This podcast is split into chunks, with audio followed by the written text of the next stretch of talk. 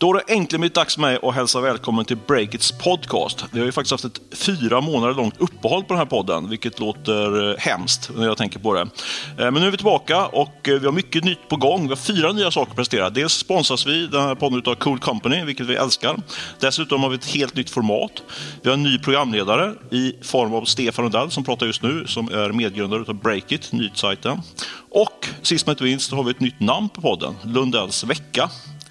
Och det är inte bara för att eh, stärka mitt redan starka ego, utan eh, faktiskt finns det lite mer tankar bakom. Det är nämligen så att jag skriver en krönika varje vecka som heter Lundells vecka, eh, som eh, blir populär. Och eh, tanken är att vi ska ta det, den känslan och det tilltalet då, från krönikan in i poddformatet. Konkret innebär det eh, att inte att jag ska läsa, sitta här och läsa på krönikan, utan att vi varje vecka då ska plocka upp det viktigaste som har hänt i det som vi på Breakit kallar för det nya näringslivet. Det som växer brukar jag säga, tech, startup och snackisarna i det, i, i det segmentet och ge vår take på det här. Eh, lite tillbakalutat, eh, vi ska ta er bakom kulisserna och eh, helst också bjuda lite grann på lite så affärsskvaller och jag hög, förhoppningsvis en ganska hög skvallerfaktor på det här, på det här snacket. Men jag gör det inte själv, utan jag tar med hjälp av en eh, gäst. Stående gäster kommer jag ha med mig eh, i detta. Och det, den här gästen, som jag snart, den första ska jag snart prestera här, eh, har i alla fall faktiskt betydligt bättre koll än jag, mer intresserad, mer välconnectad i tech och startupvärlden.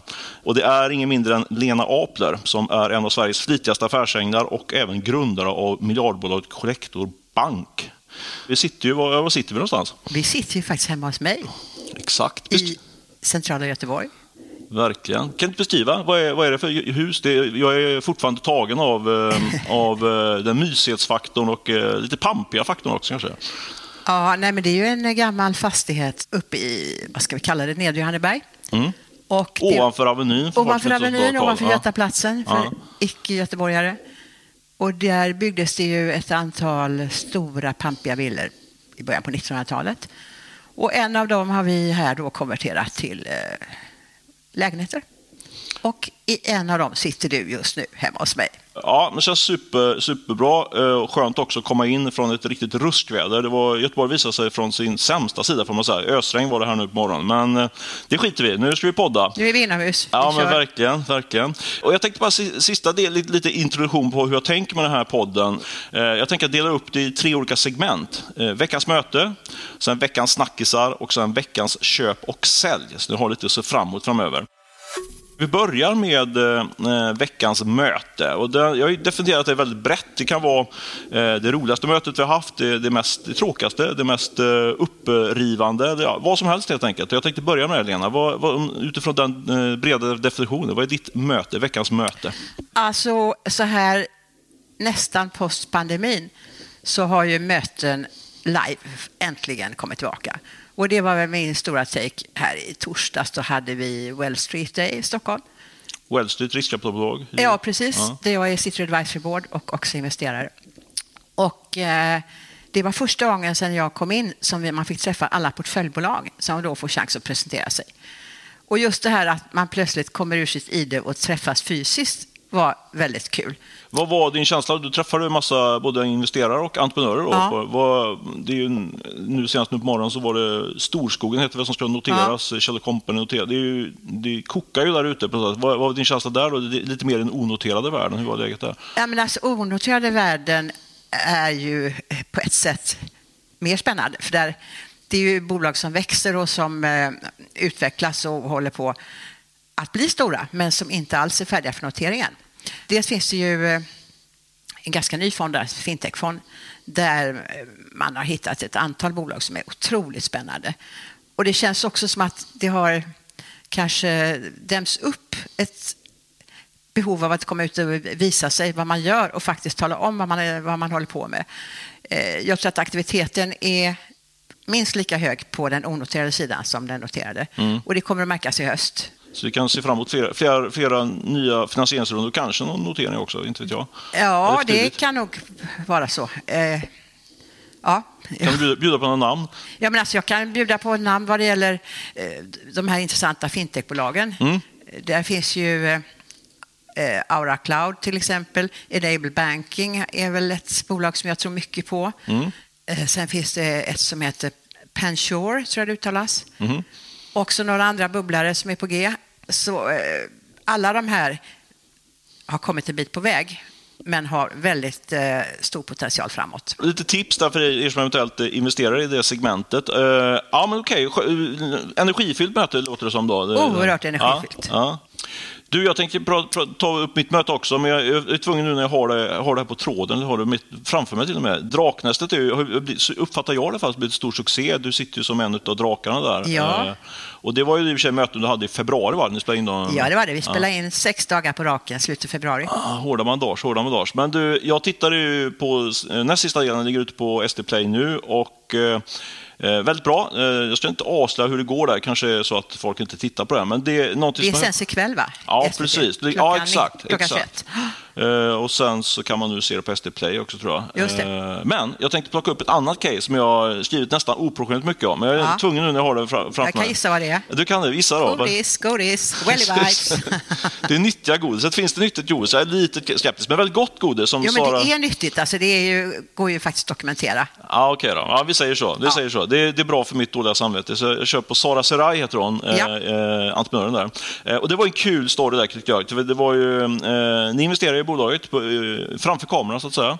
Eh, Ja. Men sen så, eh, så är det ju så, om jag har fattat det rätt, att ni har, det är ungefär en timme ni träffar, max ni träffar varje entreprenör. Ja, Och sen, sen efteråt så tar ju till, blir det ju någon form av due diligence på personerna och ni ska skriva aktieägaravtal och sådär.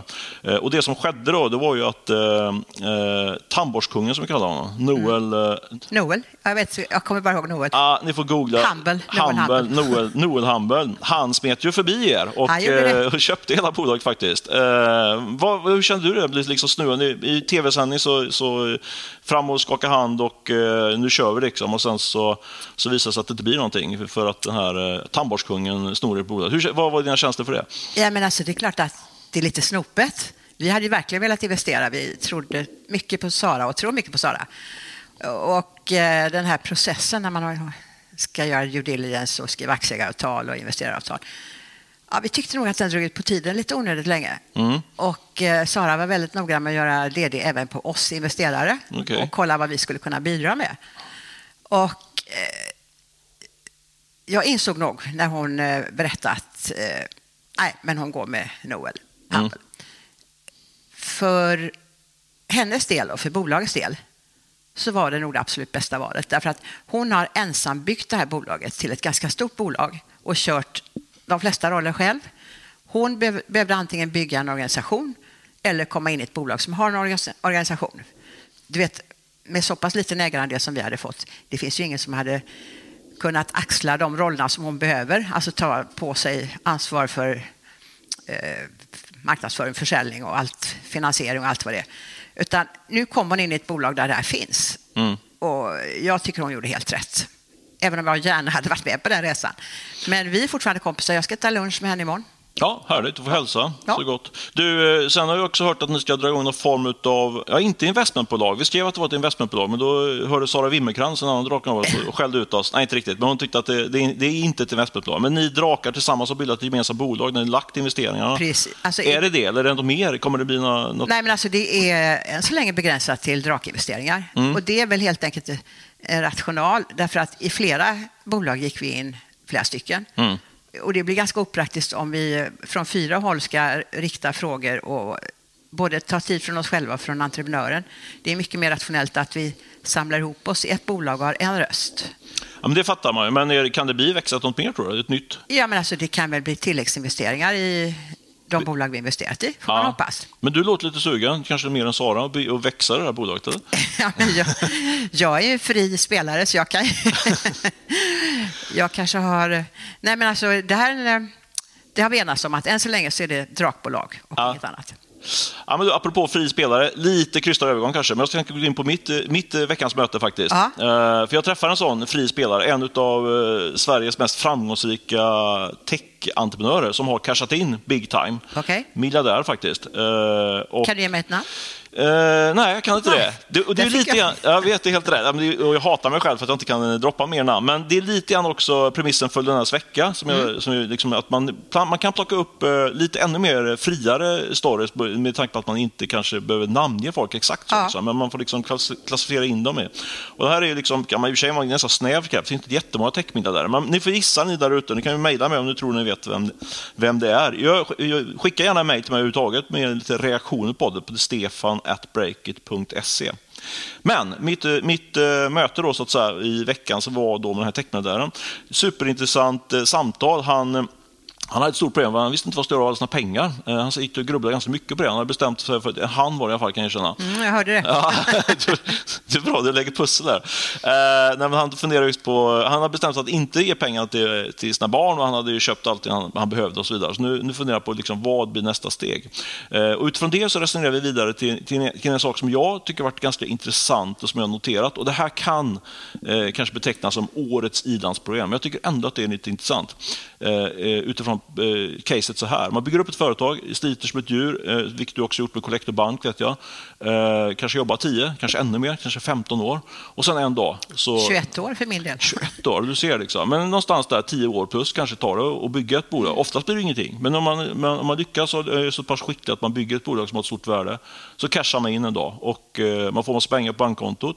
Eh, och då är det naturliga start att man kanske köper sig ännu ett bättre boende, man köper någon båt kanske, jag vet inte, man är ute och reser och så vidare. Och så vidare. Men sen efter fyra, kanske fyra, fem, sex månader, då eh, är min erfarenhet utifrån att ha pratat med ett gäng av de här eh, personerna som har gjort den här resan, då infinner sig den stora tomheten. Vad är liksom nästa steg? Vad ska man göra nu? Man har, man har liksom egentligen ingen orsak att gå upp morgon. Man har ju liksom så man klarar sig mer, mer än, än, än det.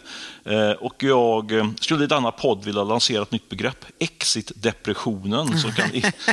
men jag vet inte, jag har inte själv gjort en exit-depression. Jag har bara lyssnat på, på, på eh, framförallt killar, för att erkänna, som har gjort den här resan. Då. Men nu sitter ju en kvinna framför mig som har gjort en sån resa. Känner du igen dig någonting eller tycker du bara att det är löjligt snack det här? Liksom? Vadå, det är bara, Nej, det alltså det, det är nog eh, vad ska jag säga, mer av ett existentiellt problem än ekonomiskt skulle jag tro. För eh, det är väl så att så länge du bygger ditt bolag och har fullt upp och efterfrågar hela tiden och folk rycker i dig så är, funderar du inte så mycket på det. Men om du sen säljer och raderar ut dig själv från bolaget, ja, men då plötsligt är du nobody. Mm. Nej, kanske inte nobody, men du är inte... Den identitet du har byggt upp försvinner över en natt då. Mm. Och det är jättekonstigt, då måste man liksom hitta en ny identitet. Nej, men det håller jag med om. Det är väl lite det jag pekar på, precis det du är inne på. Att det är liksom, vad, är, liksom, vad, är min, vad är mitt syfte och mitt mål ja, nu framöver? Ja. Liksom. Sen så att man är, pengar, pengar banken är skönt att ha. Liksom. Men, men jag tänker utifrån din... Du, du, du jobbar jättemycket kollektor, mm. ni noterare, du var mm. ordförande och nu har du lite grann trätt tillbaka lite. Du är mm. inte lika aktiv. Då. Har du, var det jobbigt? Liksom? Eller var, kändes det att det var... Nej, men alltså, det har varit eh, en process med mig själv. Att någonstans är det dags att eh, säga tack och hej. Mm. Det är precis som med att ha barn. Först är de bebisar, sen är de lite större barn och sen är de tonåringar. Sen ska de flytta ut och så får man klippa bandet. För mm. det är ju så att man har lite svårt att lämna sitt livsverk för det är så mycket mer ett bolag. Man blir så, det är så svårt att känna var går gränsen mellan Lena och kollektor. Vi liksom växte ihop ett tag.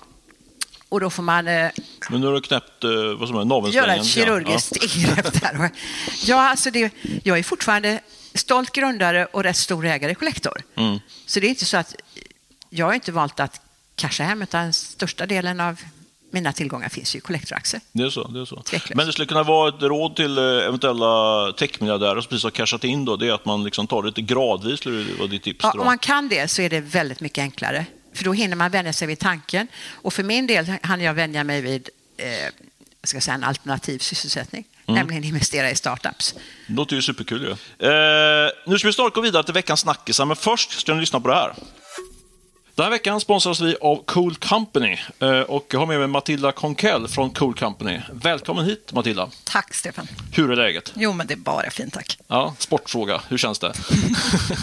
Underbart. Du, ni har precis släppt eh, någonting som heter Frilansrapporten 2021. Eh, mm. Ni kom med en förra året och eh, jag har plöjt delar av den i alla fall eh, och sett, hittat en hel del intressanta spaningar. Men jag tänkte att du som är du som har bättre koll än mig på läget eh, ska få guida oss lite grann genom rapporten. Eh, det jag noterar är att eh, folks vilja att jobba som frilans har ökat, eller hur? Det stämmer. Det är eh, många eh, i år som är sugna på att frilansa. Och något som är intressant är att av de som svarar att ja, men jag vill absolut kunna tänka mig att frilansa så svarar ungefär hälften att man vill göra det med samma typ av jobb man har idag. Och den andra hälften vill passa på att sadla om helt. Varför går du igång på det? För, för det är intressant.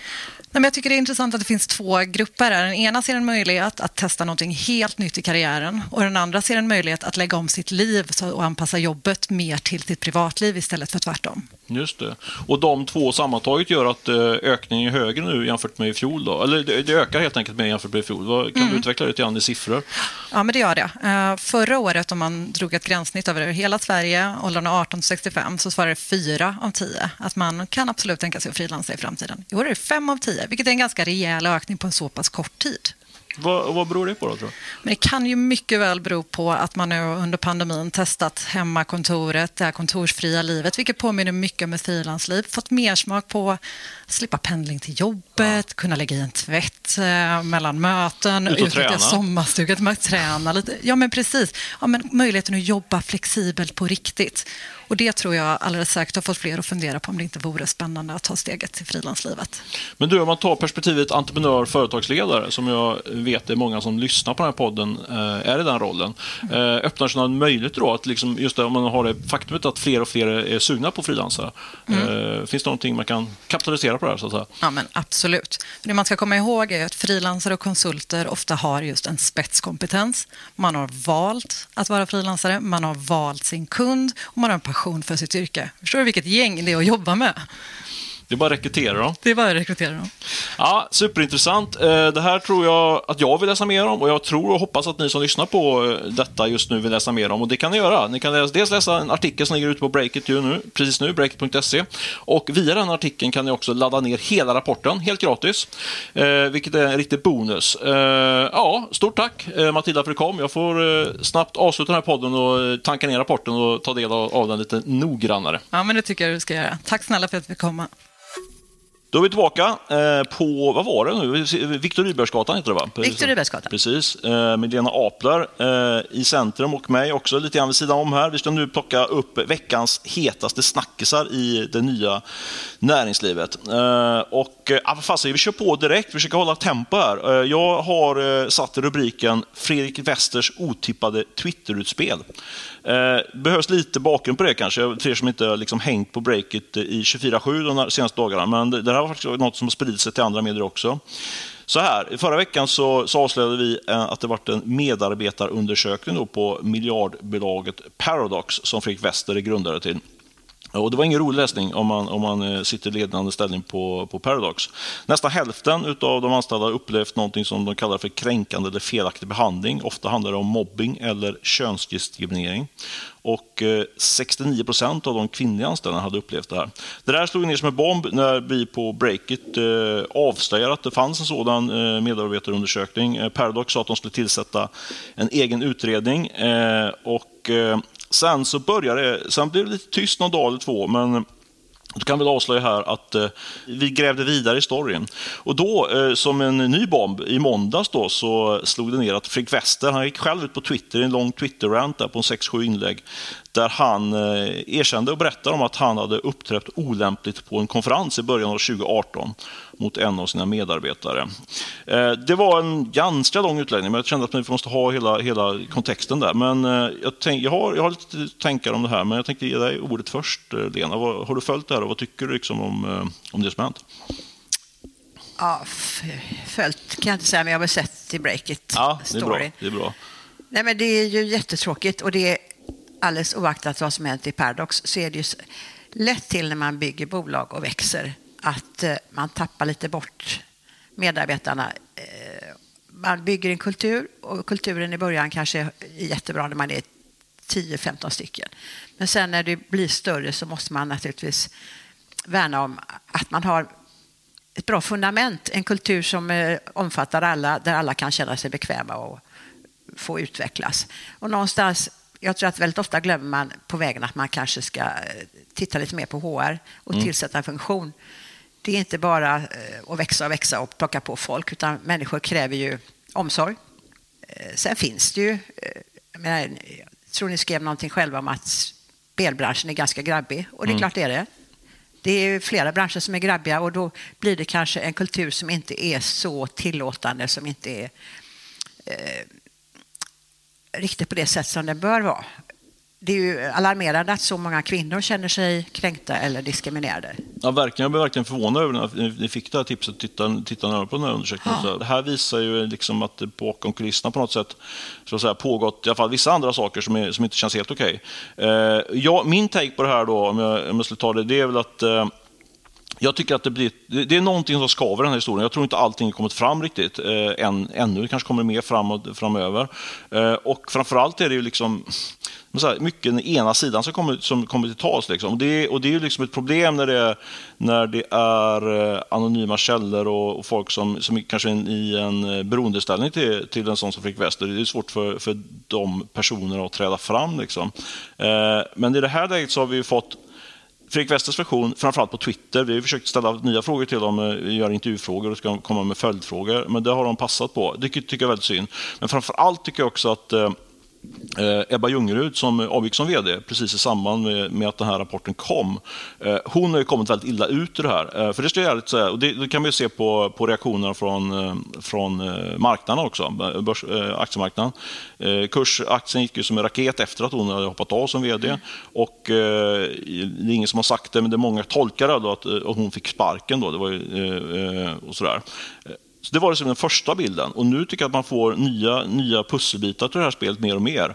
Eh, som gör att det blir mycket mer nyansrikt och inte alls säkert att det var så. Att det var hon som, att hon kanske lämnade för att hon tyckte att det var eh, kass på bordet. Jag vet inte, jag har ingen aning. Men skulle verkligen, man skulle verkligen vilja höra henne en rejäl intervju liksom, där hon ger sin version av det hela. För det, Fråga henne. Ja, vi frågar henne. Varje dag är vi på henne. Okay. Så att, ja. Men eh, så det, om du mot förmodan, nej, alla lyssnar på den här podden, men om Ebba lyssnar på den här får du jättegärna höra av dig. För jag tycker att det, det, saknas den, den versionen och det tror jag skulle ge en mer eh, komplett eh, version av vad som egentligen har hänt. Nästa snackis eh, som vi ska plocka upp är det som jag har kallat för storbråket mellan Klarna och Qliro. Och då måste jag fortfarande eh, prata vidare lite grann för att ge lite, lite eh, kontext i det här. Eh, det varit massa olika delar. Det började med att Klarna gick ut och presterade en helt ny strategi där man skulle prata om hållbara krediter, vad det nu är för något. Det, men det, det Sebastian Semakovsky på Klarna pratade ut om i en intervju i Svenska Dagbladet, tror jag det var, där han sa att man skulle ha slutdatum på krediter och färre avgifter till konsumenterna. Sen kan man kanske tänka att man måste hälla över dem på e-handlarna istället. Samtidigt kan det ganska hård attack mot, eh, mot bankerna som vanligt, men också framförallt på de här som delar, eh, lånar ut blankolånare. Alltså de här korta eh, högräntelånen kan man säga. Och sen då som på ett brev på posten får man säga, om man ska vara lite så här, eh, eh lite vad säger man, inte, vad säger man, eh, konspiratorisk säger man. Eh, så kom det bara någon dag efter, efter, efter den här strategiomläggningen och Eh, han har gått ut bombastiskt och pratat om den, så blir det ett avslöjande från Svenska Dagbladet att Kaja, som Bianca Ingrosso, den, den tunga eh, influencern, driver, eh, kosmetikbolaget, de, eh, de kunderna då till Kaja, de hade fått 17 erbjudanden om blankolån efter att de handlat då på Kaja via Qliro. Eh, och då eh, väcker sig liksom misstanken att eh, idén från Qliro är kanske inte att tjäna pengar på avgifter till kunderna utan det är att kränga på dem blankolån. Det var i alla fall vad Klarna-Sebastian, eh, eh det spann han i alla fall på Twitter. Då. Han gick ju verkligen till attack mot Qliro. Jag menar att de har en helt felaktig affärsmodell som bygger på ja, så här, låga avgifter till e-handlare och sen så kränger de på blankolån då till konsumenterna. Eh, Qliro svarade med att eh, Klarna är väldigt, alldeles, alldeles för kaxiga.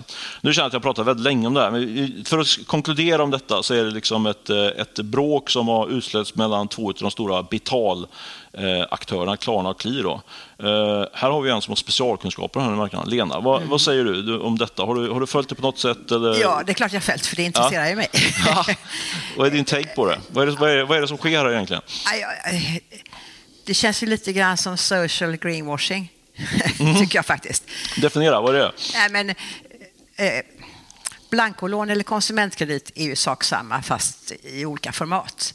Så jag tycker inte, alltså det går inte att fördöma varken det ena eller det andra, utan vad man kan fördöma det är oschyssta villkor och otydlighet. Så länge man är transparent och tillämpar schyssta villkor både mot konsument och handlare så är det väl inga problem. Och så länge man eh, gör samma sak när det gäller blankolån som ju absolut, det är väl inget fult i sig. Det finns ju överkonsumtion av lån precis som det finns överkonsumtion av spel och alkohol och allt möjligt. Mm. Men till rätt investering är väl blankolån jättebra. Det är inte alla som har säkerheter att ställa, inte alla som har rika föräldrar. Och för transparensen, du säger att Collector Bank ställer ut den här typen av lån också, eller hur? Ja, absolut. Ja. Collector har både blankolån, men vi är också jättestora på payments. Mm. Den, för övrigt har man paketerat om tjänsten nu för att den ska bli lite tydligare och skild från banken, så den heter Wally från och med september.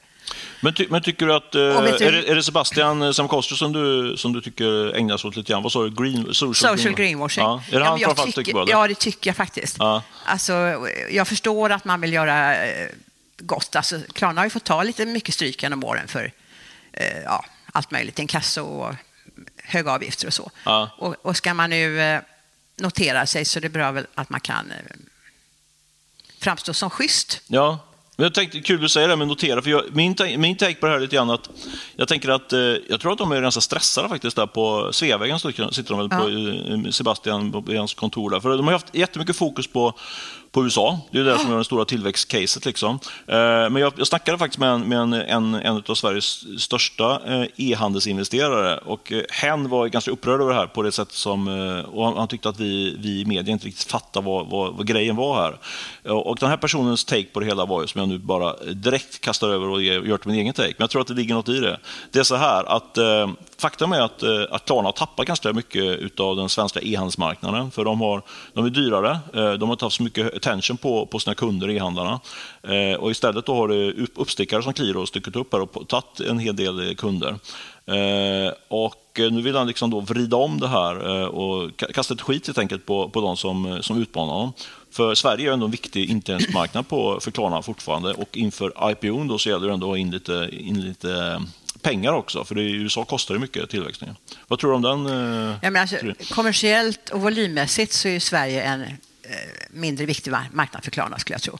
USA är oändligt mycket större och viktigare. Sen vet inte jag om de kommer att notera bolaget i USA eller i Sverige. Mm. Men det är klart att det är alltid bra att ha lite gott renommé på sin hemmamarknad.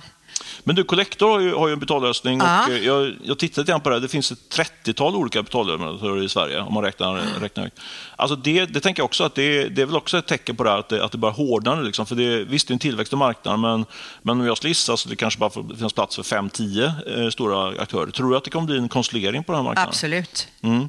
Det krävs volym för att det ska bli lönsamt. Mm. Och Collectors Wally är ju faktiskt större än Qliro.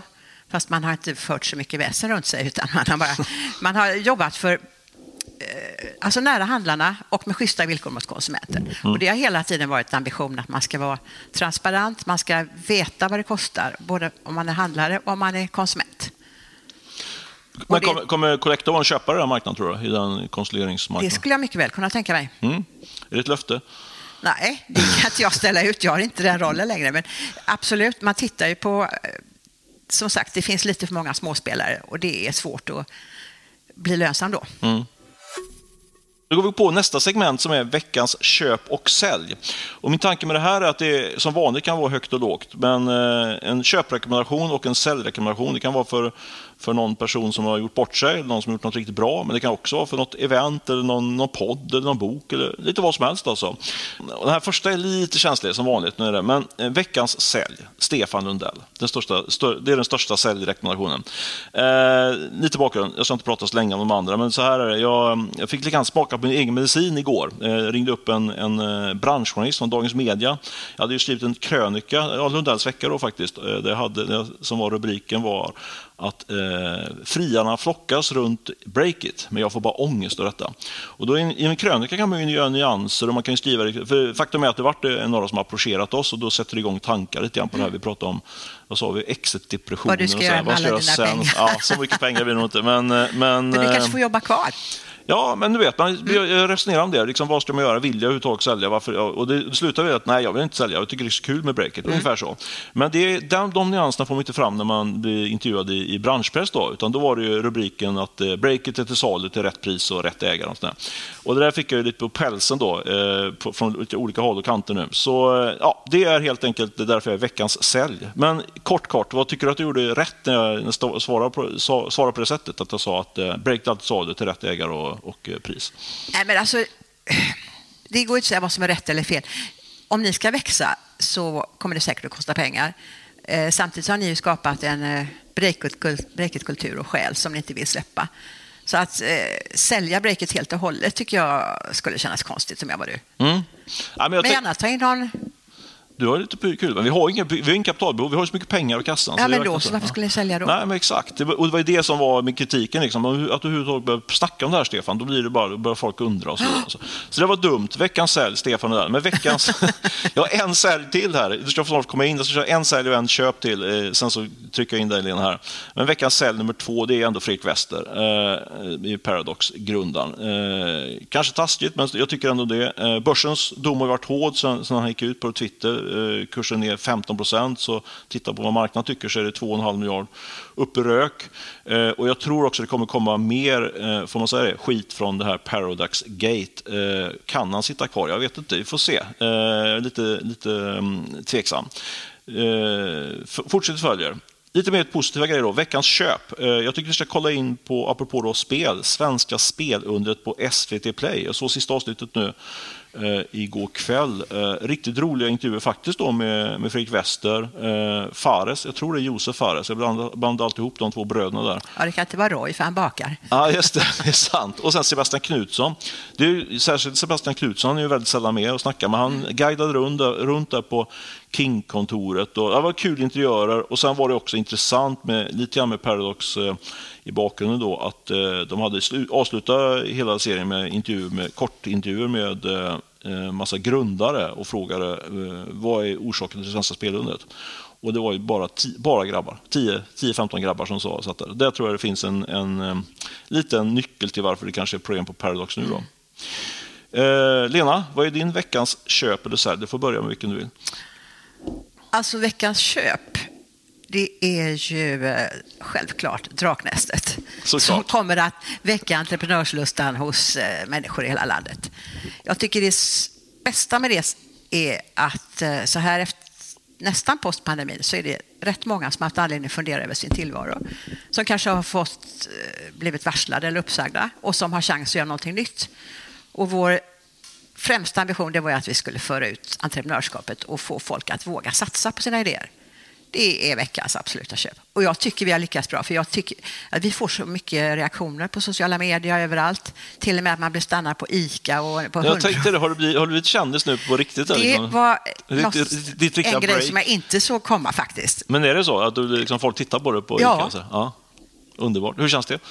Ovant. Ja, du vänjer dig. Du vänjer dig. Eh, och nu är det podden här också, då kommer du ännu mer känd. Ja, kommer, jag kommer få börja skriva autograf. okay. Och eh, veckans sälj då? Den ja, mer... veckans sälj, alltså, jag tycker det är lite taskigt som säljer ut personer, alltså människor. Måste jag, eh, när jag, jag fattade inte riktigt vad du menar med veckans köp och sälj. Jag förstod att det inte var en aktie. Men alltså veckans sälj generellt tycker jag det är politikernas ointresse för entreprenörskap, deras ovilja. Det snackas bara, men det görs ingenting. Jag skulle gärna se att man reducerade skippa arbetsgivaravgiften till exempel första två åren för nystartade bolag så man vågar anställa.